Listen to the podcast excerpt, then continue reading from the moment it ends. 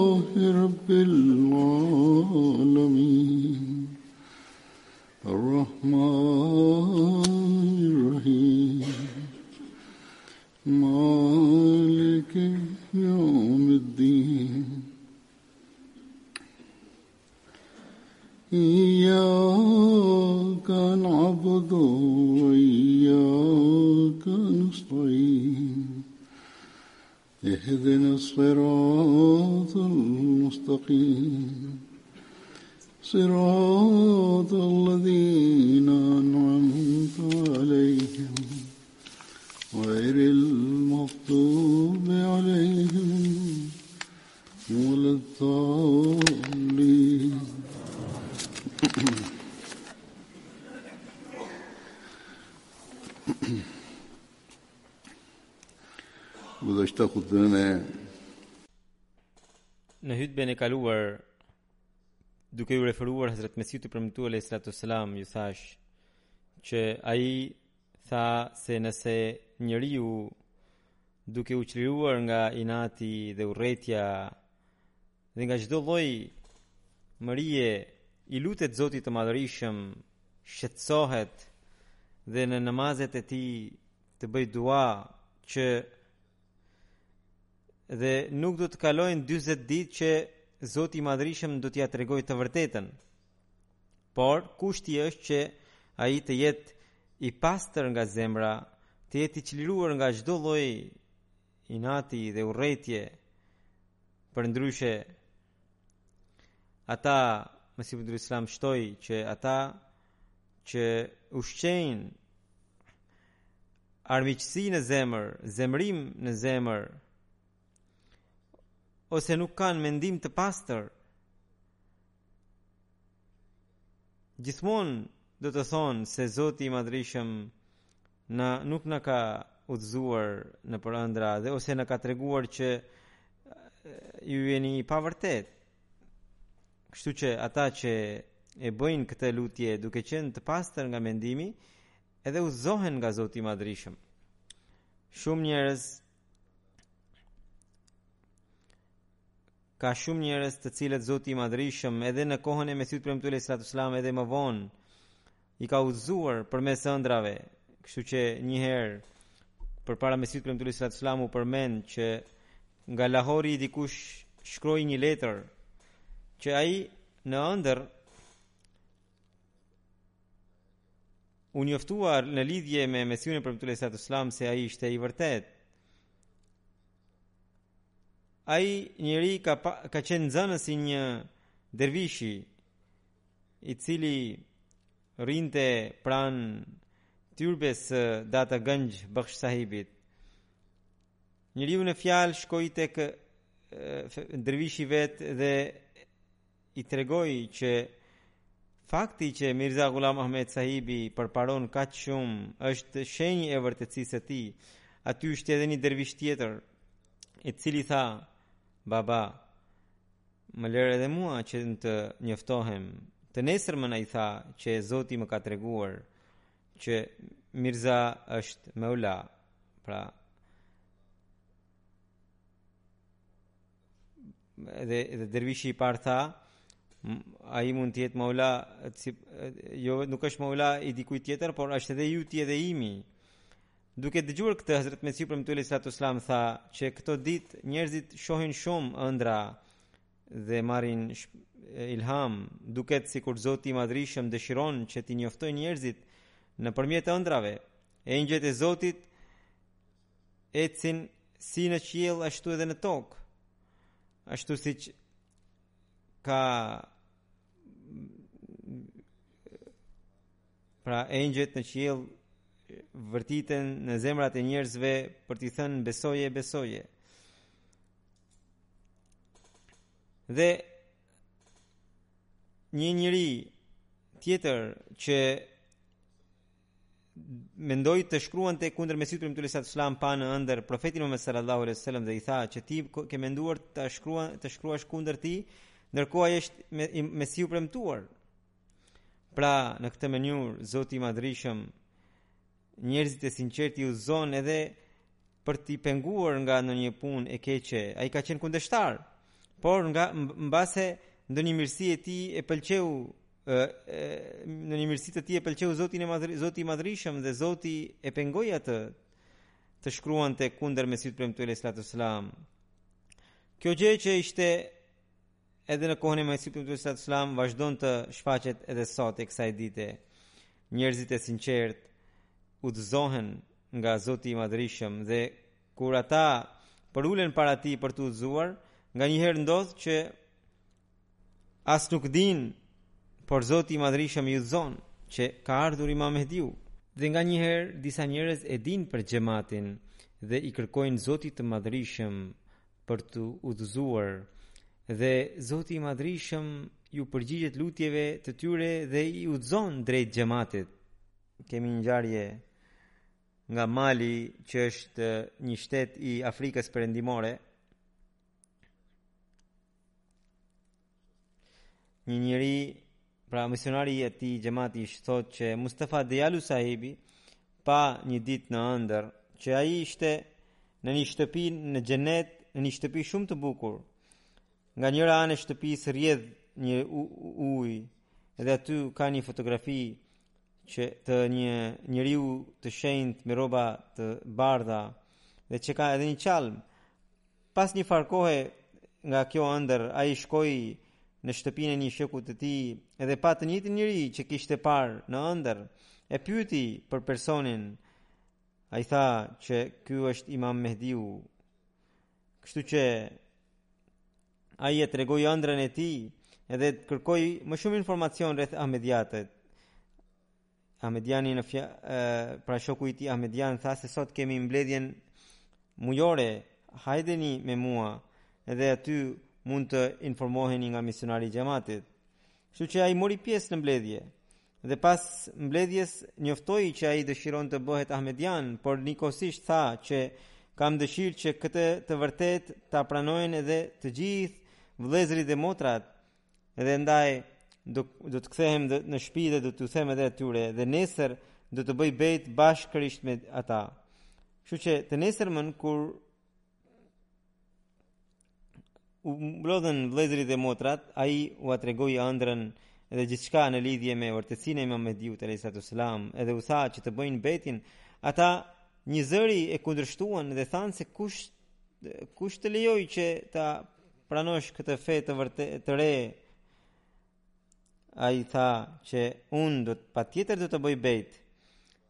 Pas namazit të sabahut thotë që unë fjeta rashë në gjumë dhe pashë në ëndërr që Hazret Mesihu i Premtuar alejhi salatu uesselam i thotë të të studio lexonte ajetet e sures El Hixhr ajeti numër 30 dhe kur e pyeti misionar sahibin kuptimin e kësaj ëndrre misionar sahibi nxori Kur'anin famëlartë dhe shikoi ajetin përkatës dhe aty përmendet pikërisht ngjarja e Hazret Ademit dhe përmendet që si Zoti i urdhëroi engjëjt të i bindeshin Ademit, ndërkohë Iblisi nuk u bind.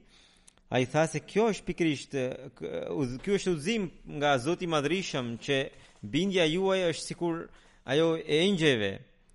Dhe indje personi në fjalë menjëherë e pranoi xhamatin dhe sot është një anëtar shumë aktiv i xhamatit në vend. Gjithashtu nga bregu i Fildishtë, nga qyteti Gralau, kemi një Ahmedian të ri, puni ama sahib, puni ama adma sahib. Edhe ai e pranoi xhematin nëpërmjet ëndrrës, ai thotë që pashë në ëndërr që unë shkova për të falur namaz në një xhami dhe aty shoh që xhamia ishte plot e përplot nga njerëzit, unë shtroj sexhaden time në një cep dhe papritmas vjen një njeri dhe më pyet cilit sekti i përkas dhe më pas më rrëmben sexhaden unë i them që jam musliman ahmedian dhe ai më thotë që shko atëherë në xhaminë e ahmedianëve dhe aty falu Kur e pashë këtë ëndërr, u qetësova dhe unë e pranova xhamatin. Atëherë gjithashtu një tjetër zonjë nga Jemeni, Xhemila Sahiba, edhe ajo përshkruan ngjarjen e saj se si e ka pranuar xhamatin. Ajo thotë që Shumë përpara se të njihesha me xhematin, unë jetoja në Arabinë Saudite dhe aty fillova të anoja nga sufizmi dhe më pëlqente shumë librat e Hazret Abdul Kadir Xhilani, Rahmatullah Alej. Metodat që ai përmendte i zbatoja dhe qetësohesha, ndieja spiritualitetin në vete, si çfarë bënte ajo e përshkruan vetë, që nga 100 herë lexoja suren El-Fatiha, ajetin ajetin El-Kursi dhe suren El-Ihlas dhe më pas nga 1000 herë i dërgoja salavate edhe i kërkoja falje Zotit. Kjo ishte pra metoda e sufistëve.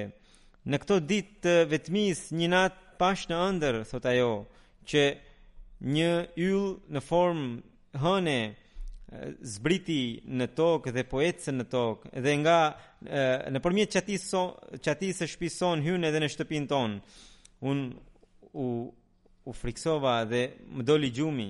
Pas pak ditësh pashë një në ëndërr pesë yje të tjera të cilët një radhë po ecnin në tokë, por ato ishin më të më të vogla se sa ylli që kisha parë më përpara. Xhemila Sahiba edhe pse nuk e ka të qartë, por kuptohet që ylli i parë duhet të jetë qenë Mesihu i Premtuar alejhi selam dhe pesë yje të tjerë kanë qenë kalifët, pesë kalifët e tij.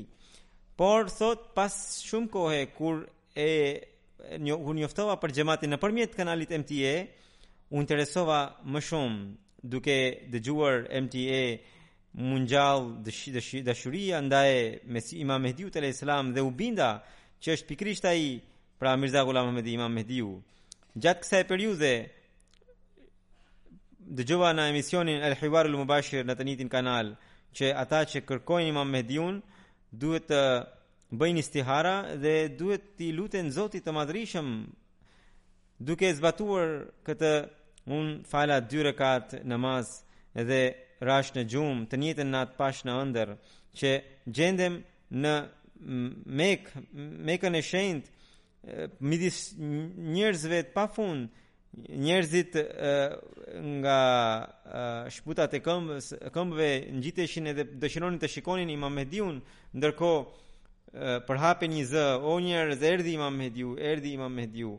Edhe unë filloja të fillova ta shikoja dhe ai pra Imam Mehdiu alayhi salatu selam shfaqet në një vend të ngritur, fytyra e tij Shëndriste sikur hëna e plotë dhe sytë e tij ishin të mallëngjyes dhe kur e pashë ishte pikërisht ai të cilin e kam parë në kanalin MTA duke e parë këtë më shkuan lotë në sytë dhe unë fillova të qaja me dënesë pra në ëndërr kur po e shikoja këtë ëndërr bashkëshorti im ishte zgjuar Dhe ai më vonë më tha mua, më zgjoi, më tha që ti po qaje me dënesë, me shumë dhimbje.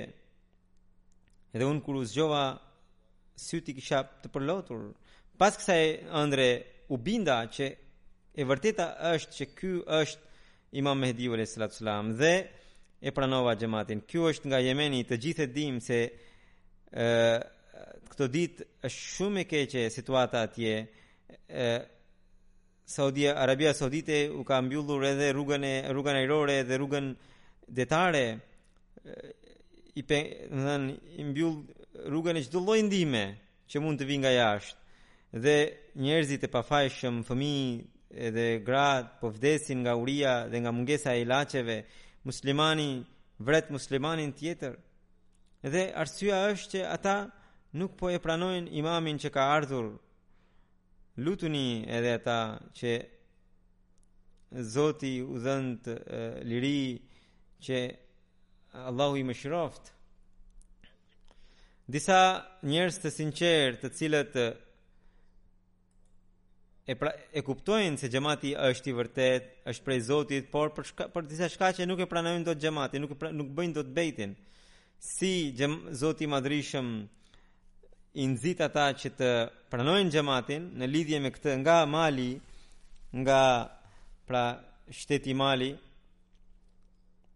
misionar sahibi Kaj rajonit shkruan që një miku ynë Abdul Haj Xhabi Sahibi ka pasur një shok i cili ndërroi jetë në 10 ditëshin e fundit të Ramazanit. Ai, pra Abdul Haj Xhabi Sahibi pa në ëndërr që me shokun e tij të vdekur po udhëtonte në autobus dhe shoku i tij i thotë që xhamatin që ti dëshiron të hysh është i vërtetë. Edhe unë po po, po i bashkohem këtij xhamati Abdul Haj Xhabi Sahibi deri më tani fillo dëgjonte me vëmendje radion tonë rregullisht edhe nga zemra ishte Ahmedian por nuk e kishte pranuar xhamatin akoma duke bërë bejtin por pas kësaj ëndrre e telefonoi xhamatin dhe tha që unë jam shumë larg nga rajoni Kaj dëgjoj radion tuaj edhe kështu kështu kam parë ëndërr ma pranoni bejtin edhe nga dita e sotme jam Ahmedian nga Egjipti një sho miku ynë Mahmud Gharib Sahibi thotë që unë që nga mosha 9 vjeçare dëgjoja një zë të fuqishëm dhe unë nuk e kuptoja dhe gjithmonë trembesha dhe në 2010-ën kur u njoftua me me MTA Al Arabia dhe atje pashë Sharif Odeh sahibin edhe edhe të tjerë dhe dëgjova fjalët e Mesihut premtuar alejhisalatu vesselam dhe atëherë kuptova që pikërisht ishte ky zë që unë dëgjoja prej moshës 9 vjeçare dhe pastaj fillova të shikoja kanalin e xhamatit me më shumë interes dhe fjalët e Mesihut premtuar alejhisalatu vesselam Poezitë e tij më linin mbresë të thellë në zemrën time. Unë e përfytyroja fytyrën e Muhamedit sallallahu alaihi wasallam dhe më dilte fytyra e Mesihut premtuar sallallahu alaihi wasallam përpara një nat një ditë kur po e shikoja MTA dhe njëkohësisht e shikoja fotografinë e Mesihut premtuar sallallahu alaihi wasallam në ekran iu drejtova dhe i thash që un betohem me emrin e Zotit ti vet më thuaj se A je i vërtet në deklaratën tënde apo jo?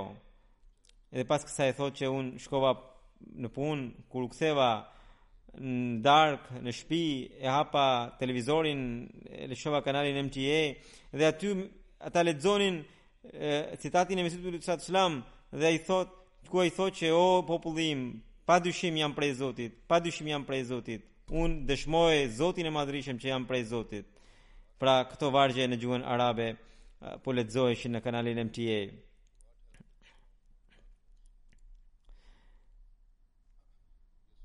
Me të dëgjuar këtë, ai thotë që un rash në gjunjazi dhe në mënyrë të pakontrolluar fillova ta puthja fotografinë e Mesihut të Premtuar alejhi salatu wasallam duke thënë alejka selam alejka selam dhe për një çast Ahmediati mu është bërë gjithçka dhe unë e pranova xhamatin nga Jordania një miku ynë duke përshkruar ngjarjen e bejtit thotë që në vitin 1992 kur Umeti musliman ishte përfshirë në në në problemet e ndryshme dhe mendoja me veten për për ditë për natë që ça po ndodh me umetin më të mirë të Zotit. Dhe pavarësisht se ky është umeti më i mirë dhe pikërisht ky umet është i përçar, po vrasin njëri tjetrin nga zemra ime dilte një zë që feja jon nuk është e tillë që shohim sot. Pa dyshim ka diçka që umeti nuk po i kushton rëndësi. Thot një nat pat pash në ëndër që isha vetëm në një rrugë dhe e cila ishte e drejt dhe e fort. Ndërkohë vjen një Mercedes e, dhe bashkë me shoferin e, në ndenjë, në karrigën e pasagjerit ishte ulur në një njeri, ai më tha që ulu në karrigën e, pa, e shoferit dhe drejtoje makinën. E ndjeva në zemër se jam ulur me Mesihun me Imam Mehdiun alayhi salatu sallam Kisha pak frikë, edhe gjatë rrugës pashë disa njerëz të zinj dhe të cilët ishin rreshtuar në majtas e djathtas dhe që kishin disa armë armatim. Ata filluan të na qëllonin me armë, por ne ne shpëtuam. Edhe ne shkuam në vendin tonë të sigurt. Po në ëndërr ndaloj makinën dhe Imam Mehdiu alejhi salatu uasselam më thotë që zbrisni dhe hape hape bagazhin. Unë hap bagazhin dhe aty shoh një sënduk prej druri, një sënduk shumë të bukur prej druri dhe aty ishte një fëmijë 5 vjeç. Fëmijë shumë i bukur që më shikon kur zgjohem Ë isha shumë i ngazëllumtur nga ëndrra dhe thashë me vete se kjo me siguri është një mesazh prej Zotit të Madhërishëm. E interpretova që e, makina e re do të thotë do të thotë udhëtimi i ri në jetë dhe ata që na qëlluan janë armiqtë e këtij rrugëtimi dhe që nuk do t'i bëjnë dot dëm dhe sënduku i bukur prej druri ë është ajo që fsheh sekretet dhe fëmija 5 vjeç ë do të thotë që janë disa lajme të gëzueshme që do të përmbushen brenda 5 viteve thotë që ishte e çuditshme që ky interpretim që kisha bërë u realizua pik për pik pasi u njoha me xhamatin musliman Ahmedia unë fillova udhëtimin tim të ri dhe pikërisht në kohën e kalif, kalifatit të 5 unë pata mundësi ta pranoja xhamatin isha i vetëm në në në fshatin tim si Ahmedian dhe kur e njoftova se unë jam bërë Ahmedian më janë bërë armiq të gjithë miqtë dhe shokët dhe farefisi atëherë Iu luta Zotit, o Zot, më më jep ndonjë shok që për ta përmbushur këtë udhëtim. Atëherë Zoti më mundësoi disa njerëz kaq të sinqertë, të cilët as nuk i njihja më përpara, dhe ata pastaj m'u bënë shokë më të mirë të mi. Një tjetër shok nga pra mik Abdullah Muhammad Abdullah Sahibi që është nga Siria, por aktualisht jeton në Kanada, thotë që unë punoja si një shitës dhe ndër klientët e mi djali i njërit prej klientëve të mi u njoh me mua ai më tregoi besimet e para të xhamatit musliman Ahmedia dhe objektivat e tij ma dha përkthimin në gjuhën arabe të librit Filozofia e mësimeve të islamit E lexova librin dhe u ndikova shumë dhe më pëlqeu, më pëlqyen shumë fjalët që janë përmendur në atë libër. Pastaj lexova për një vit libra të ndryshëm të, të xhamatit dhe fillova ta ndiqja edhe kanalin e xhamatit MTA. Pas studimit njëvjeçar dhe dhe të kanalit të xhamatit, unë U binda që xhamati musliman Ahmedia është i vërtetë edhe më lindi dëshira që t'i bashkohesha këtij xhamati. Mirpo, për shkak të pastërtisë së brendshme, un nuk e shikoja veten të denjë për t'iu bashkuar këtij xhamati dhe Isha në padijeni për t'iu si t'iu afrohesha. Kështu që i tha shokut tim që më mundëso që të takoj disa ahmedian. Ai ftoi disa ahmedian në shtëpinë e vet dhe organizoi takimin me mua. Njëri njëri prej tyre ishte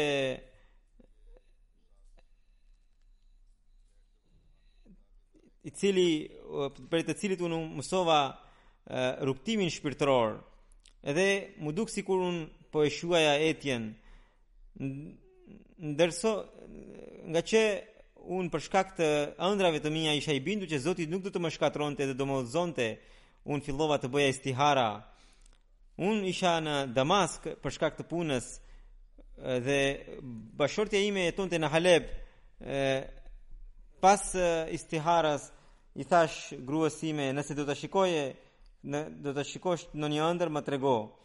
Pas njëfarë kohe Një natë që do të vinte do ishte Lailatul Qadr për mua, pra nata e Kadrit për mua që më solli një ëndërr të jashtëzakonshme. Un pashë një njeri të pastër të fisit tim, i cili më dha një letër dhe më tha që kjo është prej profetit Muhammed sallallahu alaihi wasallam. Un menjëherë e mora dhe e hapa dhe aty ishte shkruar selamu alejkum wa rahmetullahi wa barakatuhu. U zgjova dhe isha shumë i gëzuar dhe në gjuhën time recitoja ajetin udkhuluha bi selamin aminin, domethënë hyni në këtë shtëpi të paqes, pra që ju jeni në paqe.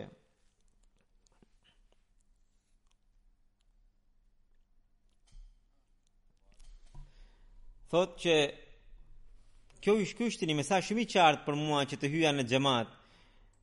Kjo ëndërr tregonte që edhe që un t'i dërgoja selamin e profetit sallallahu alaihi wasallam Imam Mehdiut, por në atë kohë nuk e dija un këtë gjë. Sido që të jetë, isha i bindur që kjo ishte përgjigjja e istiharas sime dhe në atë kohë e pranova xhamatin duke bërë bejtin. Pastaj një tjetër zonjë që është nga po nga Siria, ajo thotë që pra duke përshkruar ngjarjen e bejtit të saj që përpara se të njihesha me Ahmediatin, unë dhe motra ime Iu bashkuam një xhamati që kujtuam se është i vërtetë. Por pasi pas një farë kohe mësuam që ata kishin krijuar sheriatin e tyre, duke lënë Kur'anin, pastaj fillova të qaja shumë, i thashë o Zot, sot më trego se cili cili është besimi yt i vërtetë. Cili është xhamati yt që Gëzon përkrahjen tënde, pas shumë ditësh kur po lutesha kështu. Një ditë pashë që një dritë e jashtëzakonshme po futet në në trupin tim. Duke parë, duke ndjerë këtë, unë e shpeshtoja lutjen time dhe nga dënesa më e, bllokohe Zëri, Në atë kohë ndjeva që një njeri pranë meje dhe e kuptova që ai ka ardhur për të më ngushëlluar dhe unë i them kush është ky njeri i them vetes dhe mirëpo nuk marr asnjë përgjigje të një ditën tjetër përsëri unë qava shumë në lutje aq saqë U bllokova nga dënesat, pata të njëjtin përjetim, për të njëjtin përjetim, edhe së treti, pra herën tjetër përsëri bëra këtë lutje edhe pata të njëjtin për të përjetim, edhe pastaj e pyeta, "O Zot, ma trego se kush është ky njeri që më afrohet dhe më ngushëllon?" Thotë përgjigjen e mora pas disa ditësh, ndodhi që unë isha me motrën dhe tezën time dhe Shpesh ne bisedonim që tani është koha që duhet Mesihu i premtuar duhet të vinte.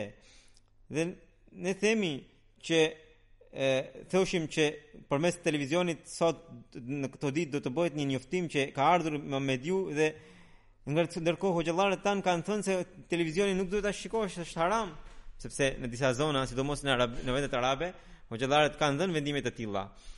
Dhe si mund të njoftohemi përmes televizorit që ka ardhur Imam Mehdi? Pra, po bënim biseda të tilla, atëherë ne e, i refuzuam e, vendimet e hoxhallarëve tanë dhe sollëm një televizor në shpi dhe pas asaj pashë një ëndërr të jashtëzakonshme, pashë që pashë veten në një fushë të madhe dhe ndërkohë disa njerëz vijnë në një makinë që në çatinë e saj ishte një një saç televizi satelitor dhe disa njerëz nxjerrin disa pajisje nga ajo makinë dhe njëri prej tyre ishte me veshje arabe dhe që kishte fytyrë të ndritur dhe ndërkohë ai njeri pikërisht vjen përballë meje dhe më thotë motër Çfarë po bën këtu? Unë i them, në vend që t'i përgjigjem e pyes, çfarë po bëni ju këtu? Më thot që ne kemi, kemi po për, përpiqemi ta hapim një kanal të ri. A do ta shikosh? Unë i them, pa, pse jo? Do ta shikoj. Pas kësaj më doli gjumi thot, Të nesërmën thot, solla televizorin dhe gjithçka e rregullova. Fillova të ndroja kanale të ndryshme dhe pash që një kanal ishte ndryshe nga të gjitha kanalet. Madje më dukej sikur ai ishte kanal i një kohe krejtësisht tjetër. Prandaj i lash të gjitha kanalet dhe fillova ta shikoja vetëm atë. Dhe ai kanali ishte MTA, kanali i Xhamatit Musliman Ahmedia. Dhe në atë kohë jepej emisioni Al-Hiwarul Mubashir, pra Biseda e drejtpërdrejtë, pasi e pash këtë kur po e shikoja këtë program, vazhdimisht shikoja panelin, edhe shikoja diku e kam parë, papritmas më kujtohet se është pikërisht ai njeri i cili ë më erdhi në atë fushën e madhe që po lançonte një kanal të ri dhe të cilit i kisha premtuar që do ta shikoj këtë kanal, duke e kujtuar premtimin fillova ta ndiqja kanalin me rregullsi dhe pastaj u bëra i këtij kanali. Dhe një herë si zakonisht po e shikoja programin e tyre dëgjova fjalët e Imam Mehdiut edhe të Mesihut të Premtuar alejhi selam Edhe në atë kohë u shfaq fotografia e, me, e një fotografi dhe aty ishte shkruar poshtë, ishte shkruar është Imam Mehdi dhe Mesihu i Premtuar. Më ngjalli kureshtja akoma më shumë. Dhe pastaj ata lexuan disa citate nga Mesihu i Premtuar alejhi selam, fjalia e parë e citatit të parë më ndryshoi krejtësisht jetën. Dhe ajo ishte Wa wallahi inni min Allahi. Ataitu Wa maftaraitu që wa qad khaba man iftara pasha Allahun që un jam prej Allahut dhe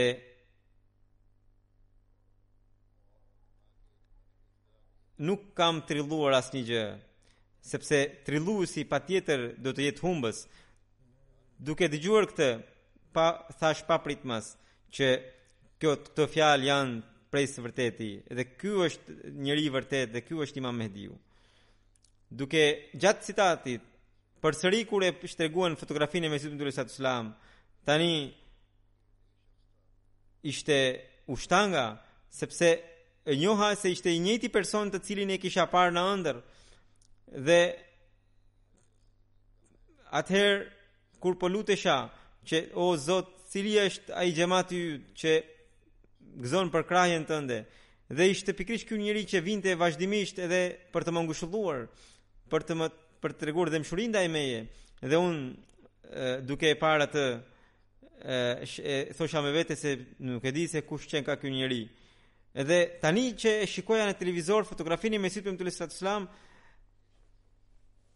Zoti më tregoi që është pikërisht xhamati i tij që që gëzon përkrahjen e tij. Dhe pikërisht xhamati i tij është xhamati i Muhamedit, duke qarë iu drejtova asaj fotografie. Thashë që je ti sot që po e mbron Islamin Nga sulmet e krishterimit, ti je Imam Mehdiu dhe Mesihu i premtuar i vërtetë. Unë dëshmoj vërtetësinë tënde. Ndërkohë në atë kohë unë nuk e dija fare që unë kisha nevojë të bëja bejtin. Tregova njerëzve të afërm për këtë kanal, shumë njerëz nuk e kanë marrë seriozisht. Ndërkohë, ndërsa tezja ime e shikonte rregullisht edhe ajo e pranoi ta bënte bejtin, Edhe pastaj edhe edhe e, motra edhe edhe nëna e pranoi xhamatin.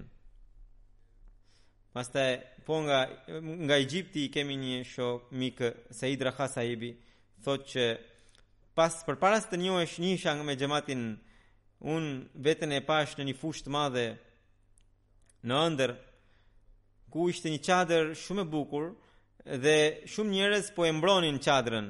Njëri prej tyre, pra mbrojtësve, më pyeti si ke mbërritur deri këtu. Thashë, nuk e di.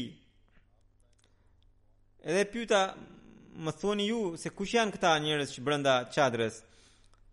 Ai tha se brenda kësaj çadre është profeti Muhammed sallallahu alaihi wasallam, u gëzova shumë, por njëkohësisht edhe u friksova sepse Nuk nuk isha i bindur se mund të mbërrija deri në këtë pikë ku vetë profeti sallallahu alejhi ve sellem të jetë i pranishëm. Gjatë kësaj kohe i dër, përjetova zërin e bukur e të ëmbël të profetit Muhammed sallallahu alaihi wasallam. Dhe për mua kjo ishte sikur vizita tek ti. Ai më tha që ti po më nderon, por përse e ke lënë Shejman? Bëhu gati sepse ajo po vjen. Ndërkohë hapet dera e çadrës dhe i dërguari i Allahut sallallahu alaihi wasallam me një çarçaf të bukur del Dhe ndërkohë nga ana tjetër vjen vjen një një vajzë e vogël me emrin Shema dhe të gjithë mbrojtësit e mbrojnë edhe profetin sallallahu alejhi wasallam dhe atë vajzën e vogël. Deri në atë kohë unë nuk besoja ëndrrave dhe edhe pikërisht edhe pamja e një vajze të vogël me emrin Shema më bindte që kjo ëndër është një prej ëndrave jo të mira. Më vonë do të kuptoja që pikërisht prania e asaj vajze do ishte vërtetësi se kjo ëndër ishte prej Zotit. Ë, sidoqoftë, unë nuk i kushtova rëndësi kësaj ëndre dhe as nuk i kam treguar sepse nuk e besoja. Dhe pra e cilësova si një ëndër jo të rregullt. Mirëpo pas kësaj pashë një ëndër tjetër e cila deri diku ishte shumë e ngjashme me të parën. Pashë në ëndër një njeri me ngjyrë gështenjë, e pyeta se kush është, më thanë se është profeti Muhammed sallallahu alaihi wasallam. Pas pak ai ndroi jetë dhe varroset dhe aty njerëzit me kova vinin edhe mbulonin varrin e tij që ishte me argjend. Edhe këtë e cilësova si ëndër jo të rregullt, edhe as nuk i kam treguar. Dhe ajo që ishte për të që më ngjallte kureshtje se përse kisha parë dy fytyra të ndryshme të profetit Muhammed sallallahu alaihi wasallam, shpesh mendoja që i dërguari i Allahut sallallahu alaihi wasallam ishte një person, Nëse ëndrrat e imia janë të vërteta, atëherë fytyra e tij përse ka ndryshuar në secilën ëndër? Thotë pas disa ditësh kur isha në librarinë ku po punoja, pastroja librat dhe rregulloja gazetat e vitra, vjetra i rendisja, papritmas pashë një fotografi në një gazetë dhe u shtanga. Ajo ishte fotografia e një vajze të vogël dhe nuk ishte e thjeshtë. E kishte emrin Shema dhe ishte e njëjta që kisha parë në ëndër para pak ditësh. Unë nuk isha i shkolluar dhe prandaj pyeta disa nga shokët e mi të shkolluar ngjarjen e kësaj vajze. Më thanë se kjo ishte vajza që u, u, u vra nga terroristët para pak kohe. Unë nuk kisha asnjë lidhje as me gazetat, as me televiz, televizionet, dhe nuk e dija se kishte ndodhur një ngjarje e tillë. Dhe mirëpo kur e pashë fotografinë e Shemas, u binda që ëndra ime e parë ishte e vërtetë. Dhe, dhe ardhja e saj ishte pikërisht që për ta më treguar që ajo ëndër ishte prej Zotit. Dhe plus, pas e saj, u binda që edhe ëndrra e dytë duhet të jetë prej Zotit, por nuk po e kuptoja tashmë që nëse kjo e dyta gjithashtu ishte e vërtetë, përse profeti sallallahu alajhi wasallam ka pasur dy fytyra, ë pra një një tjetër në ëndrrën e parë, një tjetër në ëndrrën tjetër. Pas shumë kohe kur e shikoja kanalet e ndryshme në televizor, papritmas pashë kanalin e xhamatit, ku po diskutohej pikërisht vdekja e Isait alayhis salatu selam. Unë nuk isha i shkolluar dhe nuk kisha asnjë edukim fetar dhe e shikoja me kureshtje se çfarë po bisedonin. Pas pak Sherif Oda sahibi në atë emision tha se tani do të shkëputemi për një pauzë, edhe gjatë kësaj pauze do të dëgjoni vjershën e Hazrat Mesihut të Premtuar alayhis salatu wasallam dhe të Imam Mehdiut.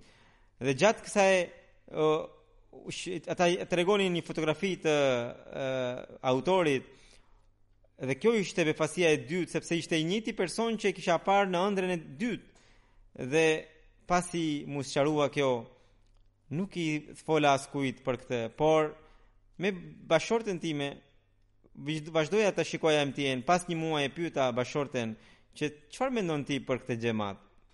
Ajo më tha se për mendimin tim ky është xhamati i vërtetë.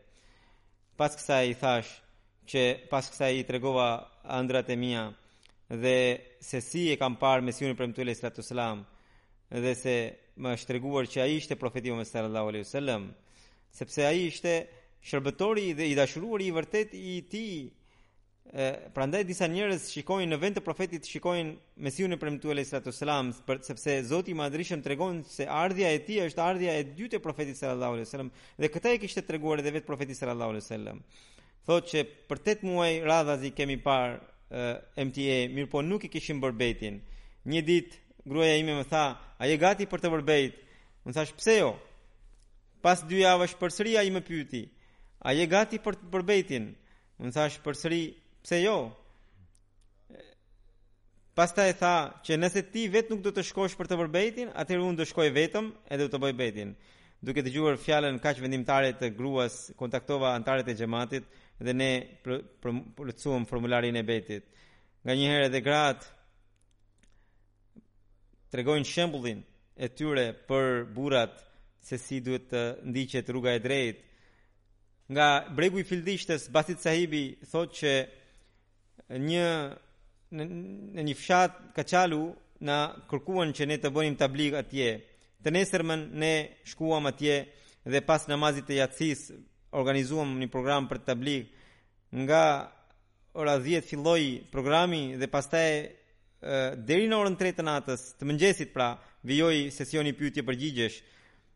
Në këtë program ishin muslimanë, të krishterë dhe idhujtarë. Njerëzit kujtojnë se afrikanët e pranojnë kështu kot Ahmediatin.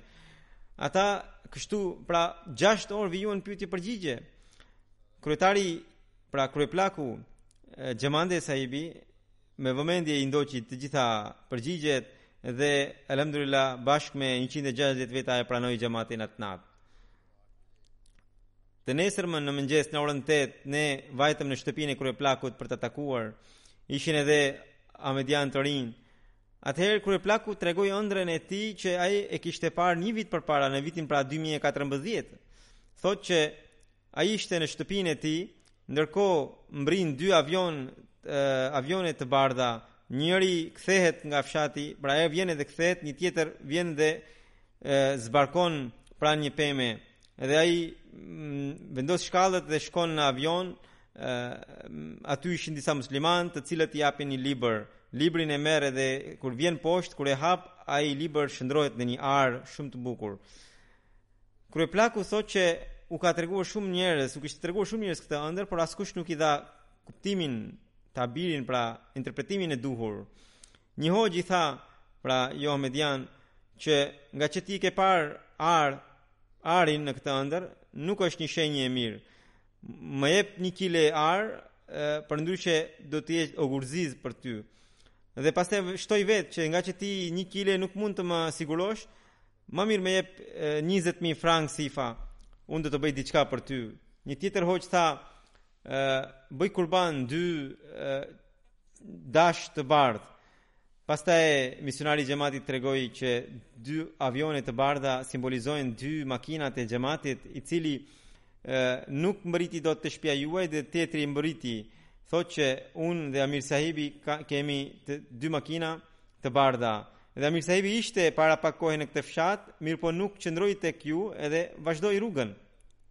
Ndërkohë, shkallët që ke vendosur do të thotë që dëshira jote për të mësuar Islamin, që ke të, keni qëndruar deri në orën 3 të mëngjesit për të ndjekur programin dhe libri do të thotë që Për Mesiun e premtuar thuhet në hadith që ai do të përhap thesare dhe literatura e tij është pikërisht thesari.